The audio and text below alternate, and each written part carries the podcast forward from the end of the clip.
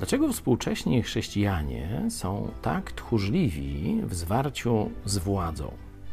No, myślę, że ma to pewien kontekst historyczny po komunizmie, że naprawdę było wiele zbrodni, prześladowań pastorów, ich rodzin itd. Tak Stąd no, część środowiska, powiedzmy, protestanckiego czy kościelnego nie chce ryzykować y, tych y, cierpień, prześladowań, ale trzeba powiedzieć, że w historii różne rzeczy się działy.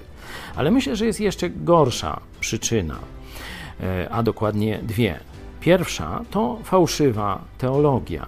Fałszywa teologia, że chrześcijanin to ma być zawsze tylko łagodnie, e, zawsze ustępować, zawsze nadstawiać drugi policzek i tak dalej. Bo trzecia przyczyna no to jest całkiem zła, czyli nie tylko fałszywa teologia, ale ludzie bez ducha Bożego.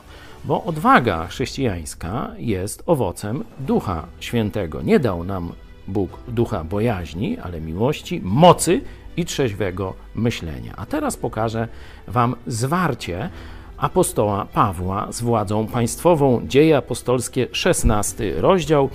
E, tam władza państwowa bezprawnie e, wychłostała i wsadziła do więzienia Pawła, który był obywatelem rzymskim. Zrobiła to bez sądu. Rano e, wysłali, to jest 35 werset, władza wysłała pachołków, mówiąc: zwolnij tych ludzi do stróża więziennego. Stróż nawet się ucieszył, już był chrześcijaninem, ucieszył się, że jednak ich wypuszczą.